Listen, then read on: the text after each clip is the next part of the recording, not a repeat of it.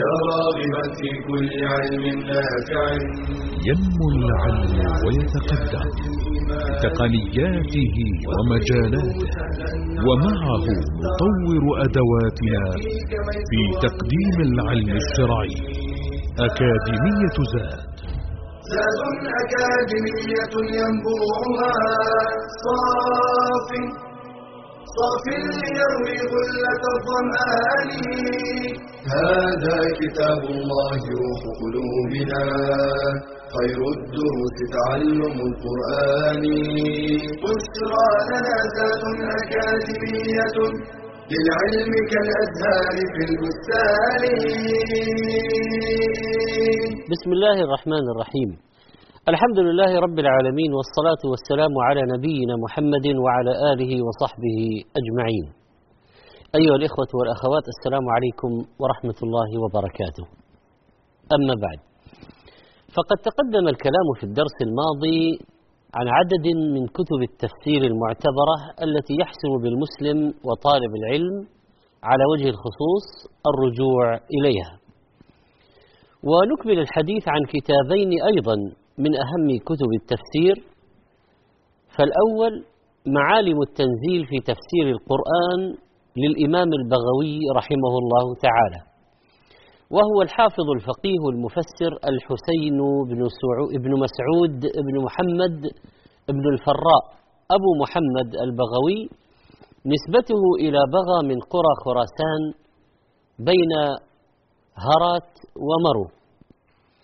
ومن مصنفاته التفسير المشهور المسمى معالم التنزيل في تفسير القرآن وشرح السنة ومصابيح السنة والأنوار في شمائل النبي المختار والتهذيب في فروع الفقه الشافعي وغير ذلك من المؤلفات. قال الذهبي رحمه الله بورك له في تصانيفه ورزق فيها القبول التام لحسن قصده وصدق نيته وتنافس العلماء في تحصيلها توفي الإمام البغوي رحمه الله بمرو الروذ وهي مدينة من مدائن خراسان وذلك في شوال سنة ستة عشر وخمسمائة من الهجرة. ويعتبر تفسير البغوي رحمه الله من كتب التفسير بالمأثور لأن هذا هو الغالب عليه مع أنه قد جمع إلى التفسير بالمأثور التفسير بالرأي والاجتهاد المقبول. وتأتي أهمية هذا الكتاب من كون صاحبه على عقيدة أهل السنة. فقد قال فيه الإمام الذهبي رحمه الله بأنه على منهاج السلف حالا وعقدا يعني عقيدة. وله القدم الراسخ في التفسير والباع المديد في الفقه رحمه الله. لكن يلاحظ أنه تأثر بعبارات بعض المتكلمين أو أهل الفلسفة أهل الكلام في الصفات. وطبعا هذه غير صحيحة. وذلك مثل قوله في الرحمة صفة الرحمة لله والرحمة إرادة الله تعالى الخير لأهله. طبعا هذا تأويل مرفوض. الرحمة ثابتة لله تعالى كما يليق بجلاله وعظمته. وتأويلها بإرادة الخير لأهله هذا ليس هو معنى الرحمة في اللغة. وقيل هي ترك عقوبة من يستحقها وإسداء الخير إلى من لا يستحق. وهكذا.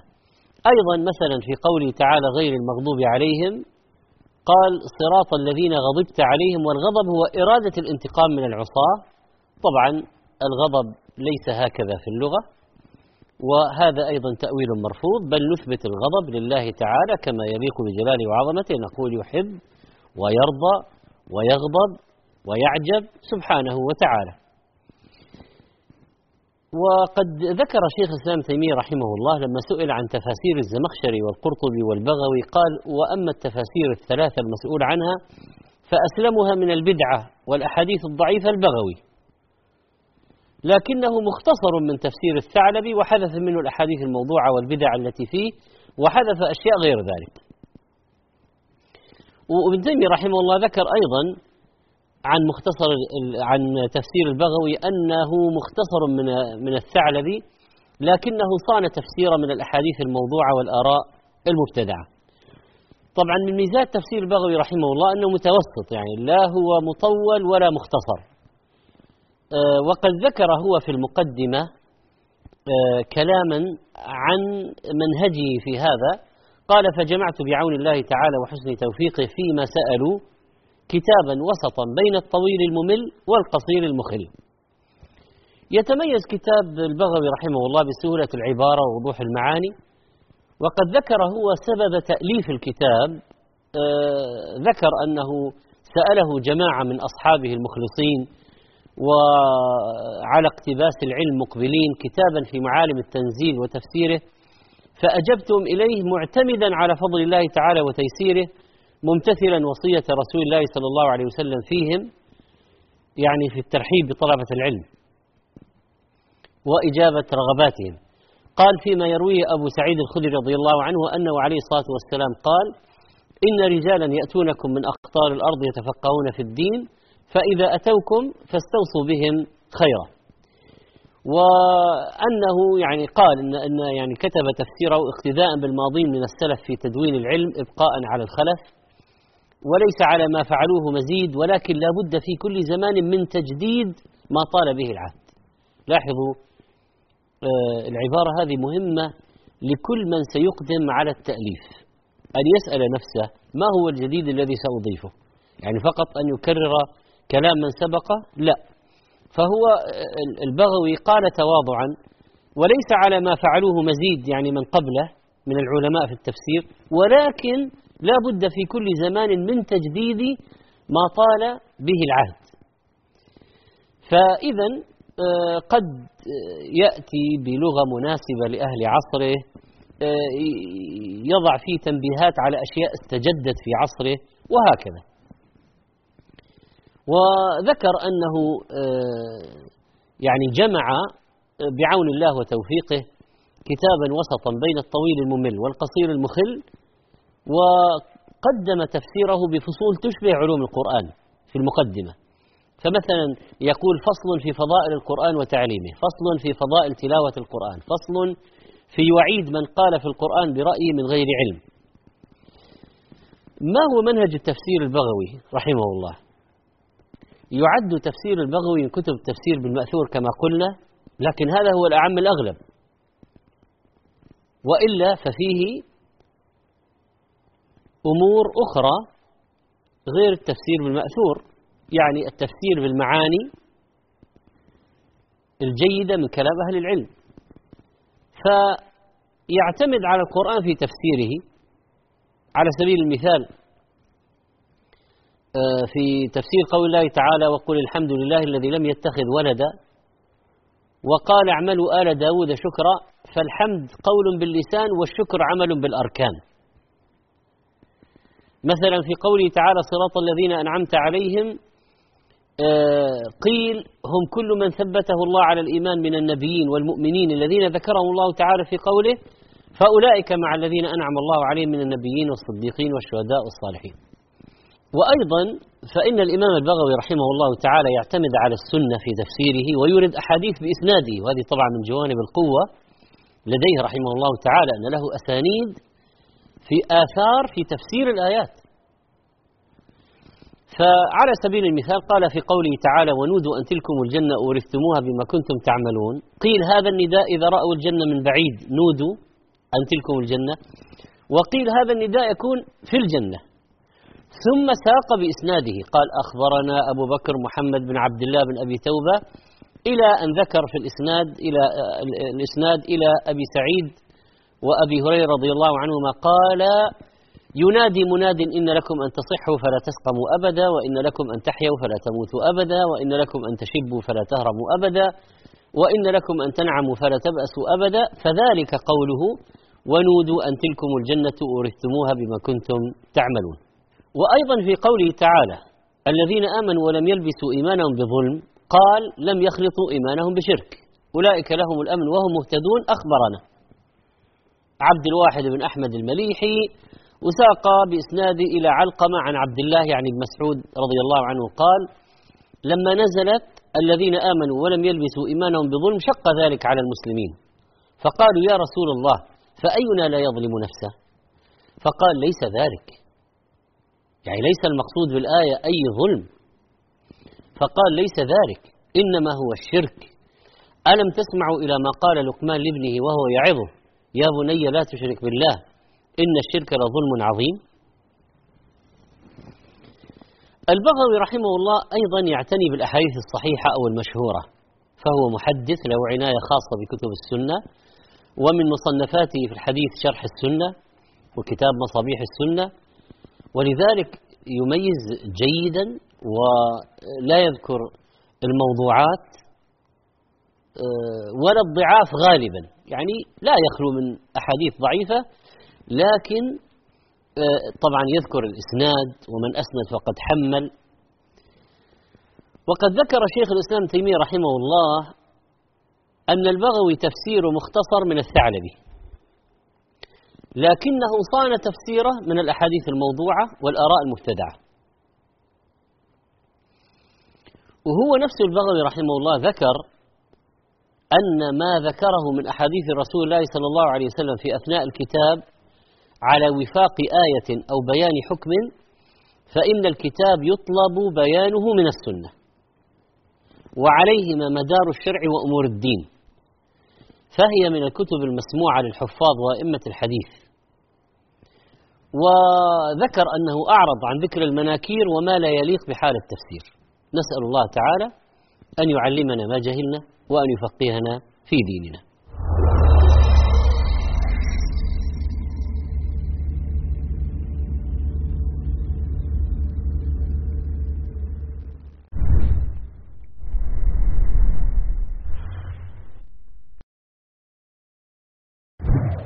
مليار وثلاثمائة مليون طن من الأطعمة تتحول إلى صناديق القمامة سنويا وهو ما يعادل ثلث إنتاج العالم من الطعام.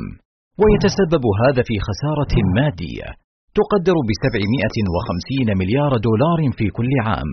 هذا ما أكدته منظمة الأمم المتحدة للأغذية والزراعة.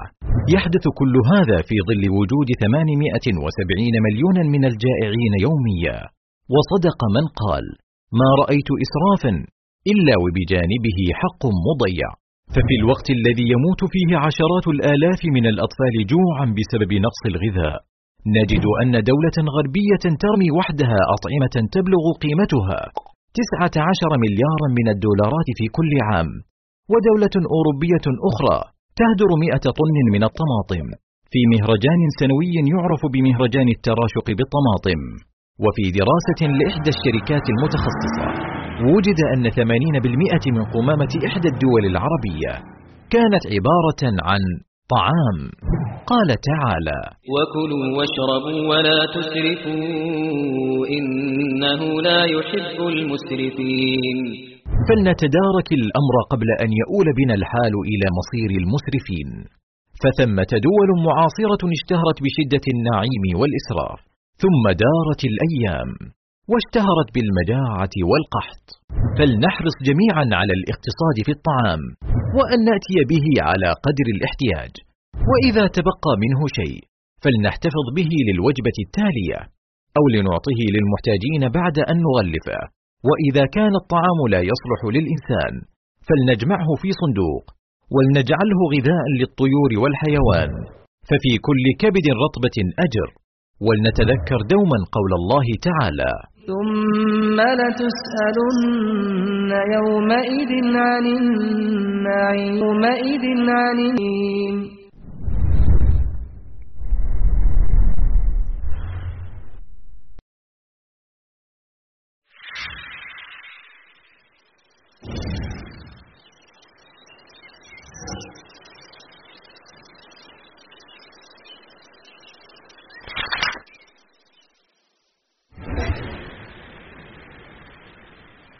محمد بن سيرين الإمام التابعي الكبير المحدث الفقيه مولى أنس بن مالك رضي الله عنه. قال مورق العجلي ما رأيت أحدا أفقه في ورعه ولا أورع في فقهه من محمد بن سيرين. اشتهر بتعبير الرؤيا. قال الذهبي وكان له في ذلك تأييد إلهي. توفي رحمه الله سنة عشر ومائة من الهجرة.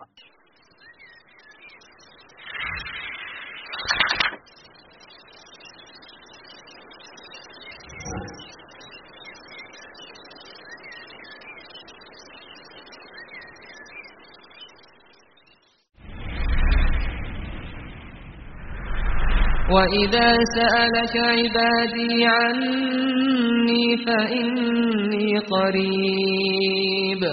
أجيب دعوة الداع إذا دعان فليستجيبوا لي وليؤمنوا بي لعلهم يرشدون.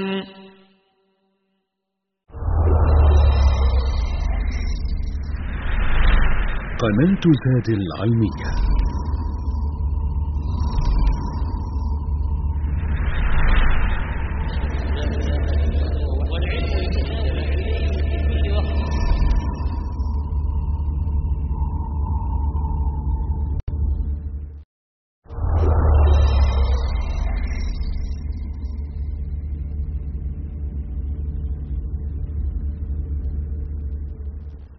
الحمد لله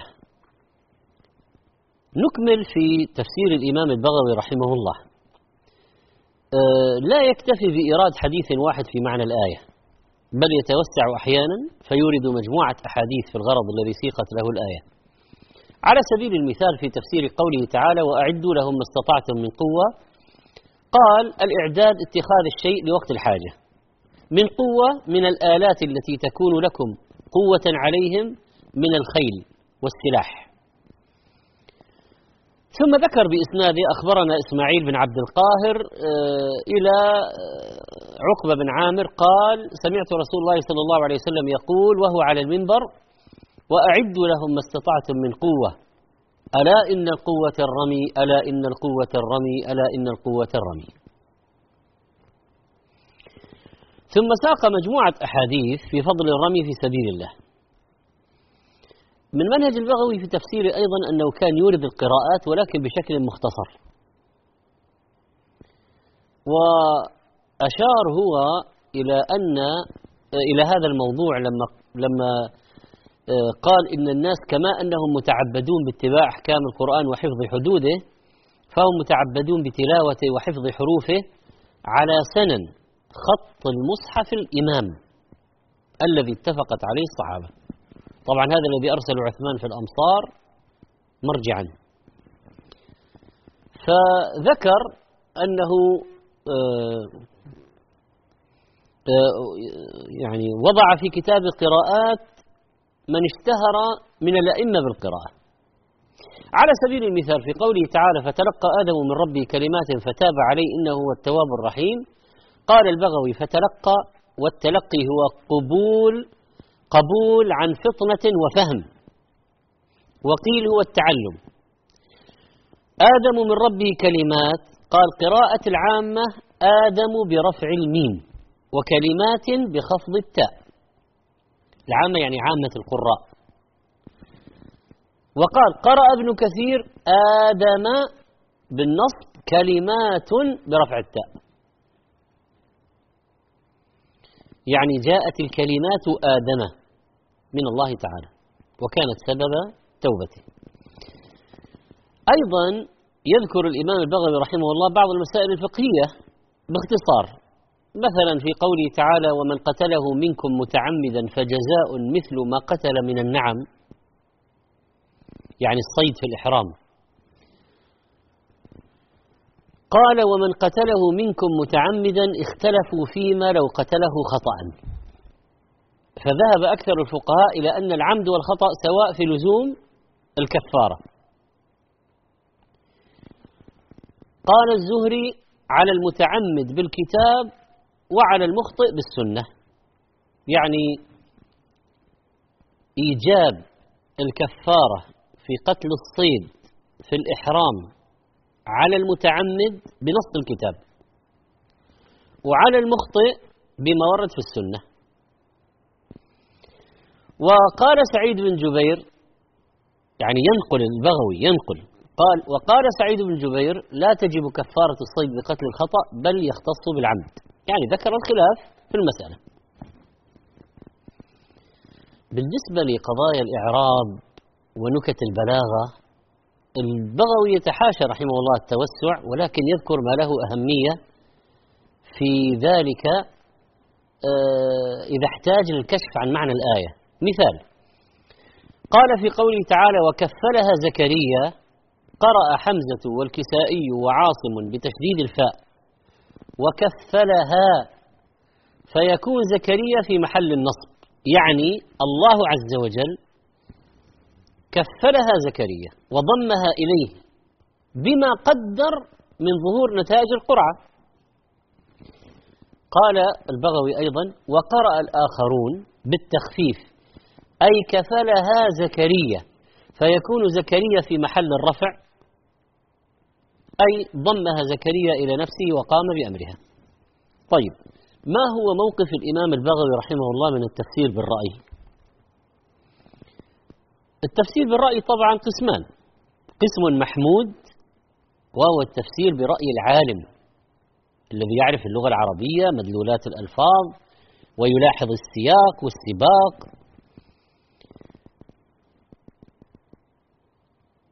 فالمحمود التفسير المستمد من القرآن ومن سنة النبي صلى الله عليه وسلم وصاحبه عالم باللغة العربية وأساليبها وبقواعد الشريعة وأصولها ومذموم هذا القسم الثاني من التفسير بالرأي وهو التفسير بمجرد الرأي والهوى. لا عن علم باللغة ولا بأساليب القرآن ولا بالنظر في السياق ولا آه، في شواهد هذه الكلمة في لغة العرب يعني ماذا تعني؟ آه، ولا عنده علم بأصول التفسير ولا أصول الفقه. فهذا كلام يعني كما كما يفعل بعض من يسمى بالمثقفين اليوم يعني يتكلمون برأيهم يقول أنا فهمت كذا. عندي كذا ومن أنتم حتى يكون لكم عنده. فالبغوي رحمه الله أجاز التفسير بالرأي المحمود المعتمد على الاجتهاد وفهم اللغة يعني من صاحب العلم. تفسير من صاحب العلم. وهذا النوع من من التفسير بالرأي المحمود موجود في كتاب البغوي. فذكر البغوي رحمه الله آه، ونقل قال قال شيخنا الإمام رحمه الله قد جاء الوعيد في حق من قال في القرآن برأيه وذلك في من قال من قبل نفسه شيئا من غير علم. فأما التأويل وهو صرف الآية إلى معنى يعني محتمل موافق لما قبلها وما بعدها لاحظوا أيها الإخوة والأخوات مسألة السياق السباق السابق واللاحق ماذا قبل الآية؟ الآية التي قبل والآية التي بعد. أو الكلمة جاءت في أي سياق. هذا مهم جدا في التفسير. فقال أما التأويل يعني التفسير وهو صرف الآية إلى معنى محتمل موافق لما قبلها وما بعدها غير مخالف للكتاب والسنة من طريق الاستنباط فقد رخص فيه لأهل العلم. أهل العلم تحديدا. هؤلاء هذا اللي عنده علم بالعربية. شواهد كلام العرب. أصول التفسير. وقال أما التفسير وهو الكلام في أسباب نزول الآية وشأنها وقصتها فلا يجوز إلا بالسماع بعد ثبوته من طريق النقل. يعني هذا ما يمكن آه، يعني يستنبط. هذا هذا حدث. هذا حدث لابد أن ينقل ولابد أن يثبت النقل. هذا فيما يتعلق بأسباب النزول. إذا يمكن تلخيص منهج الإمام البغوي رحمه الله في تفسيره في النقاط التالية. أولا يتعرض لتفسير الآية الكريمة بلفظ سهل موجز لا تكلف في لغته ولا تطويل ويكتفي بالوقوف على الكلمة الغريبة ليكشف عن معناها بالرجوع إلى أصلها ومصدرها مستدلا بالآيات والأحاديث وما أثر عن الصحابة والتابعين وأقوال أهل اللغة. ثانيا يسلك السبيل القويم في بيان المعاني فيفسر القرآن بالقرآن. مثلا والسماء والطارق وما أدراك ما الطارق؟ النجم الثاقب. إذا ما هو الطارق؟ الله فسره. فسر بنفسه تعالى. بأنه النجم الثاقب. يعني ما في مجال لاختراع شيء فيها.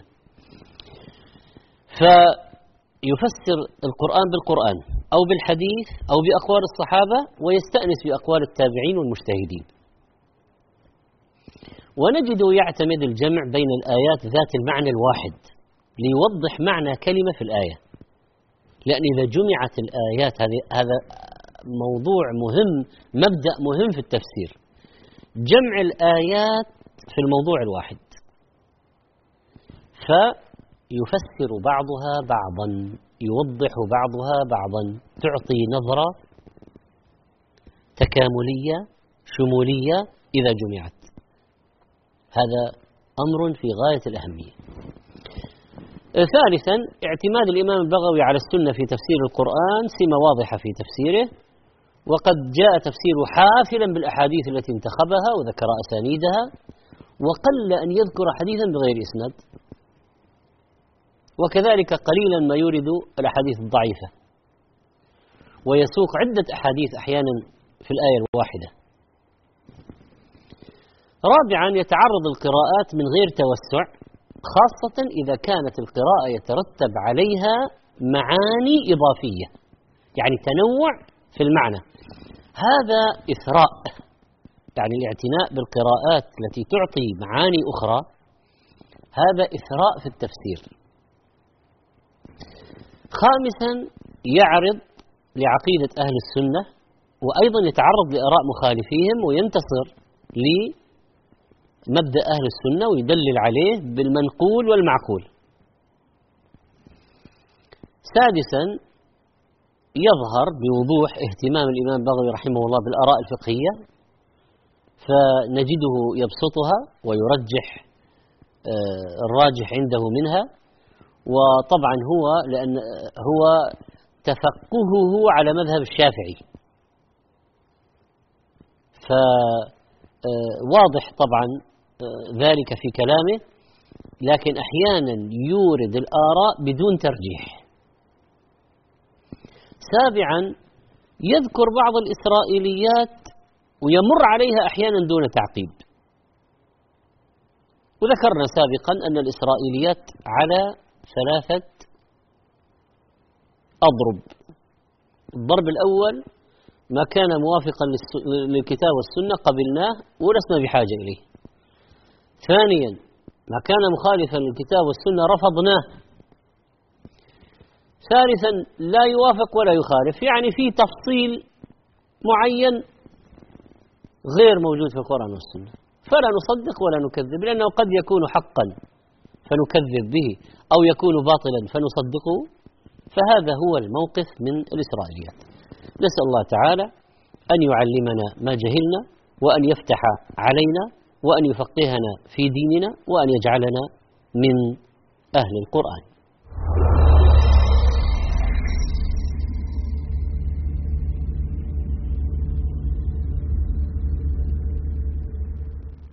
إذا أحببت أن تتعرف على دينك أكثر أن تزداد علما وتنهل خيرا أن تسمع وترى ما يقربك من ربك ويحببك في نبيك وتزكو به نفسك. في قناة زاد تجد ذلك وأكثر. تصفح وتجول في واحة إيمانية من مقاطع مميزة من إنتاج مجموعة زاد. تتنوع بين المادة العلمية والرقائق الإيمانية والفواصل الدعوية المحترفة إعلامية والمؤصلة منهجية. تخاطب الرجال والنساء الكبار والصغار. تدعو البعيد وتؤنس القريب. مقاطع motion graphic مميزة. دورات علمية متخصصة. فواصل درامية شيقة. لقاءات دعوية ممتعة. برامج تلفزيونية. وندوات شرعية.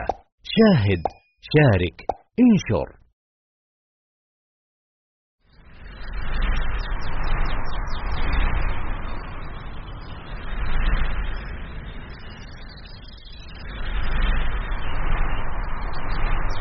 في كثير من الأحيان يجتهد الوالدان في تطبيق الكثير من الوسائل التربوية الحديثة والقديمة في توجيه أبنائهم نحو الخير وهذا حسن. إلا أنهم قد يغفلون في غمرة ذلك عن وسيلة هي الأقوى والأكثر فاعلية وهي مداومة الدعاء لهم بالخير والصلاح.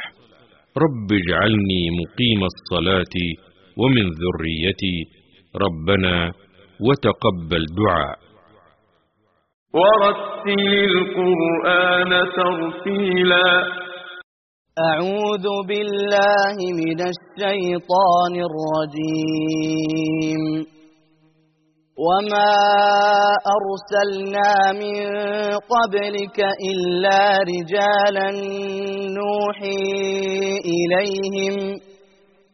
فاسألوا أهل الذكر إن كنتم لا تعلمون.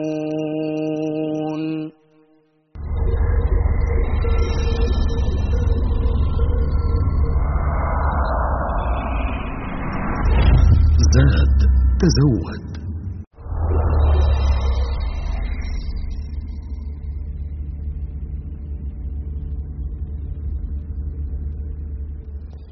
الحمد لله. نتابع وإياكم أيها الإخوة والأخوات الكلام في بعض كتب تفسير القرآن. نتكلم الآن عن كتاب الجامع لأحكام القرآن تفسير القرطبي رحمه الله وهو الإمام الفقيه المالكي المفسر المشهور محمد بن أحمد بن أبي بكر بن فرح أبو عبد الله الأنصاري الخزرجي القرطبي. ولد بقرطبة في الأندلس وتعلم فيها القرآن الكريم وقواعد اللغة العربية وتوسع في دراسة الفقه والقراءات والبلاغة وعلوم القرآن وتعلم الشعر وانتقل إلى مصر واستقر بمنية بني خصيب المنيا حاليا شمال أسيوط.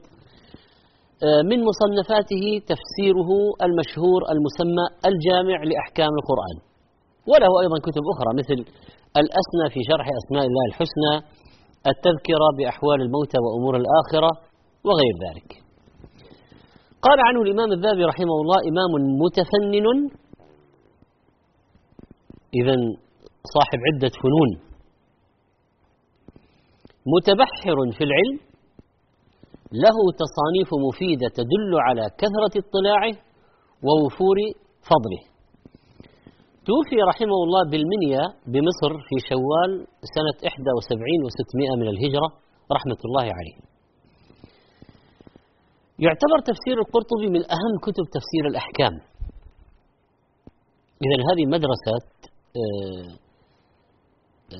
تفسير الأحكام القرطبي علم واضح فيها. قال الذهبي رحمه الله وقد سارت بتفسيره العظيم الشأن الركبان وهو كامل في معناه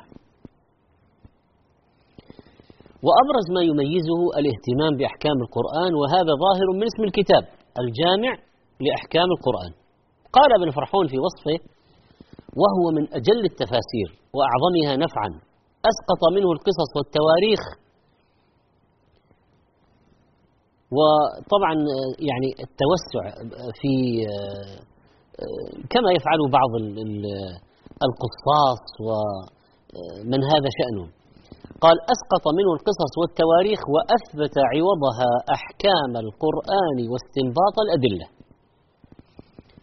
وذكر القراءات والإعراب والناسخ والمنسوخ. وقد قال القرطبي رحمه الله نفسه في وصف كتابه رأيت أن أشتغل به مدى عمري وأستفرغ فيه منتي يعني قوتي وهمتي.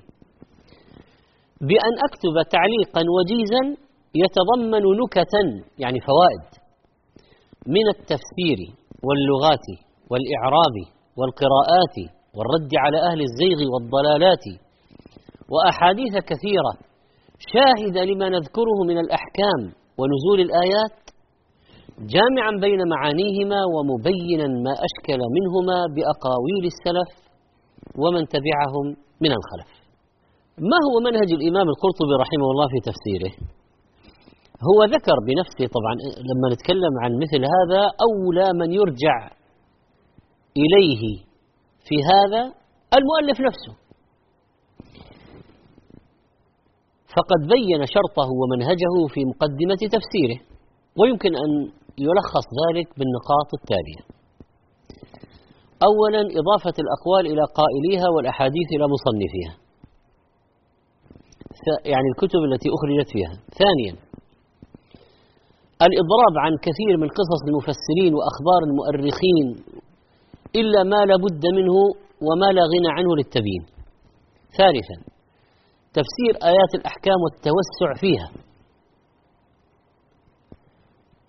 فمسائل كثيرة تذكر بمناسبة آية في حكم معين. آه رابعا إن لم تتضمن الآية حكما ذكر ما فيها من التفسير والتأويل. خامسا ذكر أسباب النزول والقراءات والإعراب وبيان غريب من الألفاظ مع الاستشهاد بأشعار العرب هذا طبعا واضح في تفسير القرطبي. بالنسبة للعقيدة تأثر الإمام القرطبي رحمه الله بمنهج الأشاعرة ونقل عن أئمتهم كالجويني والباقلاني والرازي ولذلك آه، ينتبه طالب العلم عند مروره في تفسير القرطبي بآيات الصفات يحذر ولا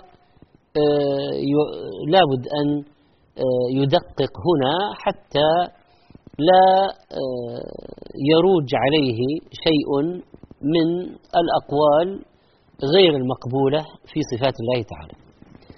على سبيل المثال في تفسير قوله تعالى ثم استوى على العرش طبعا تنبيهنا على هذا لا ينقص من قدر الإمام ولا كتابه.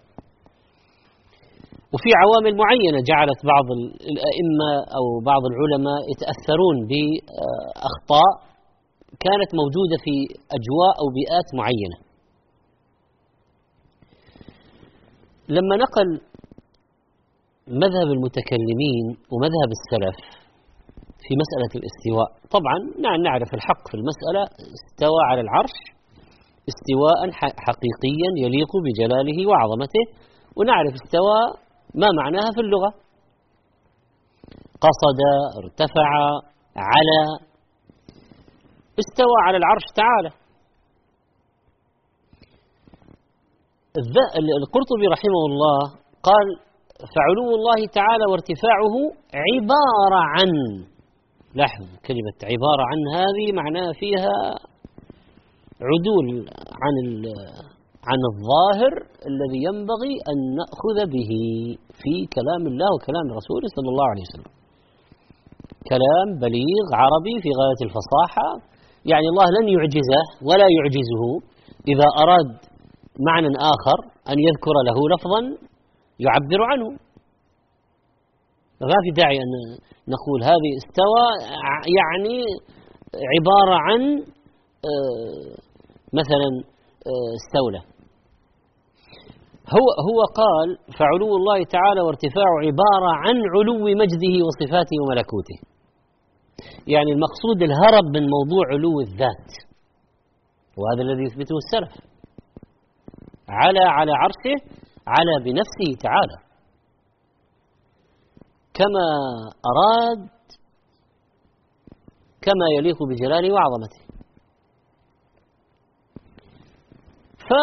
فهو رحمه الله قال آه، يعني علوه عبارة عن علو مجده وصفاته وملكوته أي ليس فوقه فيما يجب له من معاني الجلال أحد. مع أنه قال أظهر الأقوال ثم وضع جملة اعتراضية وإن كنت لا أقول به ولا أختاره أظهر الأقوال لاحظوا أظهر الأقوال وإن كنت لا أقول به ولا أختاره أظهر الأقوال ما تظاهرت عليه الآي والأخبار والفضلاء والأخيار أن الله سبحانه على عرشه كما أخبر في كتابه بلا كيف يعني بلا كيف معلوم لنا. هناك كيف يعلمه نحن لا نعلمه. بائن من جميع خلقه هذا جملة مذهب السلف الصالح. وحتى يعني بعض الأئمة تعقبوا على هذه الكلمة. فالإمام السفارين رحمه الله تعالى مثلا في كتاب لوائح الأنوار علق على كلام القرطبي وقال قوله وإن كنت لا أقول به غاية العجب لأنه اعترف بتضافر الآيات القرآنية عليه ودلالة الأخبار النبوية إليه وتعويل السلف الصالح الأخيار عليه فكيف يليق من مثله؟ يعني القرطبي على جلالة قدره وعلو منزلته وعلمه. أن يقول وإن كنت لا أقول به ولا أختاره مع الدلالات القرآنية والأحاديث النبوية وكونه معتقد الرعيل الأول.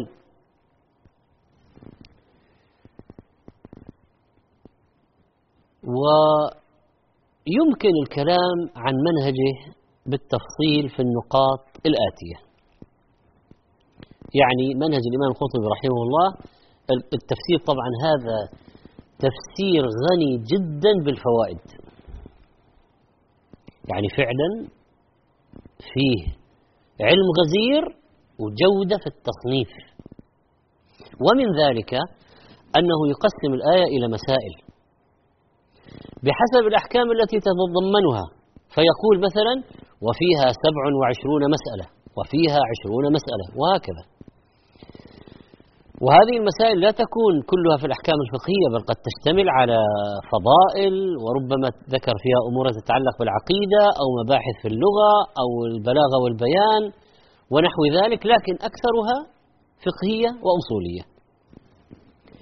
أيضا يتميز التفسير بمراعاة الدليل وعدم التعصب للمذهب. فبالرغم من أن الإمام القرطبي رحمه الله تعالى مالكي إلا أنه لم يتعصب لمذهبه المالكي. يعني كل مسألة يقرر المذهب مهما كان لا. فيلاحظ عند ذكره لمسائل الخلاف أنه يتجرد مع الدليل وحتى يصل إلى ما يراه أنه الحق وهذا من مناقبه. فمثلا لما تكلم عن مسألة تقديم الحلق على الذبح في يوم النحر وضح أن ظاهر المذهب المنع من تقديم الحلق على الذبح إن كان عامدا قاصدا. ثم قال والصحيح الجواز. يعني حتى لو تعمد الحاج أن يقدم هذا على هذا فله ذلك. لماذا؟ قال لحديث ابن عباس أن النبي صلى الله عليه وسلم قيل له في الذبح والحلق والرمي والتقديم والتأخير فقال لا حرج. كما في البخاري ومسلم. إذا لاحظوا أنه خالف مذهبه في هذه المسألة. لماذا؟ لأجل الدليل.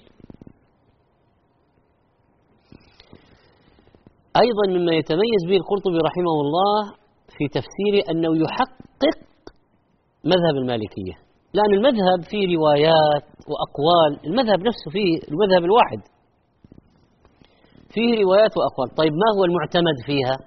يعني ما هو الذي يصح أن يقال هذا المذهب في المسألة هذه؟ هذا يحتاج إلى تحقيق وهذا التحقيق يحتاج إلى أهل تحقيق.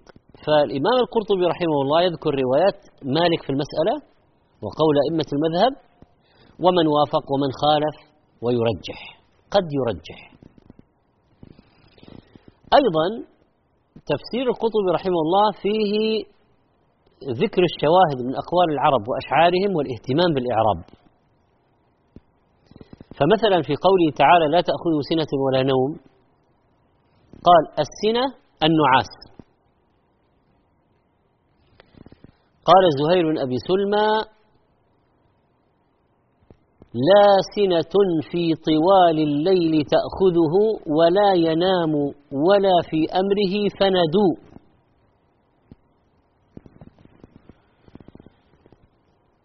وفي قوله تعالى أيضا ذواتا أفنان قال ذواتا ظل وأغصان. ألم تسمع إلى قول الشاعر؟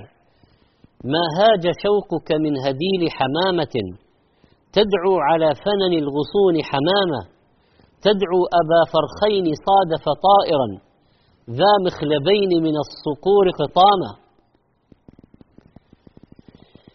أيضا الاعتناء بالقراءات الواردة في الآية. يعد تفسير القطبي رحمه الله من أوسع التفاسير التي اهتمت بالقراءات ويستقصي. يستقصي القراءات في الكلمة القرآنية وينسب كل قراءة إلى صاحبها ويبين درجة القراءة ويذكر توجيهها. يعني ماذا يكون المعنى على هذه القراءة وماذا يكون على هذه القراءة؟ وخاصة إذا كان لهذا تعلق بالمسألة الفقهية. فمثلا في قوله تعالى وعلى الذين يطيقونه فدية طعام مسكين قال قوله تعالى وعلى الذين يطيقونه قرأ الجمهور بكسر الطاء وسكون الياء. وأصله يطوقونه. نقلت الكسرة إلى الطاء وانقلبت الواو ياء لانكسار ما قبله. ومشهور قراءة ابن عباس يطوقونه بفتح الطاء مخففة يعني الطاء وتشديد الواو بمعنى يكلفونه. إذا يطوقوا إذا يطوقونه يعني يطيقونه. يطوقونه بالفتح يعني يكلفونه. وقد روى مجاهد يطيقونه بالياء بعد الطاء. قال وهي باطلة ومحال لأن الفعل مأخوذ من الطوق فالواو لازمة واجبة فيه ولا مدخل الياء في هذا المثال. هذا مثال على آه، إيراد الإمام القرطبي رحمه الله للقراءات والاعتناء بذلك وخصوصا عندما تترتب على القضية أحكام فقهية. نسأل الله سبحانه وتعالى أن يعلمنا ما جهلنا وأن يفقهنا في ديننا وأن يجعلنا من أهل البصيرة. ونسأله حسن القول وحسن العمل والإخلاص وحسن الخاتمة وصلى الله على نبينا محمد وعلى آله وصحبه أجمعين. يا راغبا في كل علم نافع متطلعا لزيادة الإيمان وتريد سهلا النوال ميسرا يأتيك ميسورا بأي مكان. زاد زاد أكاديمية ينبوعها صاف صاف ليروي غلة الظمآن. هذا كتاب الله روح قلوبنا. خير الدروس تعلم القرآن. بشرى لنا ذات أكاديمية للعلم كالأزهار في البستان.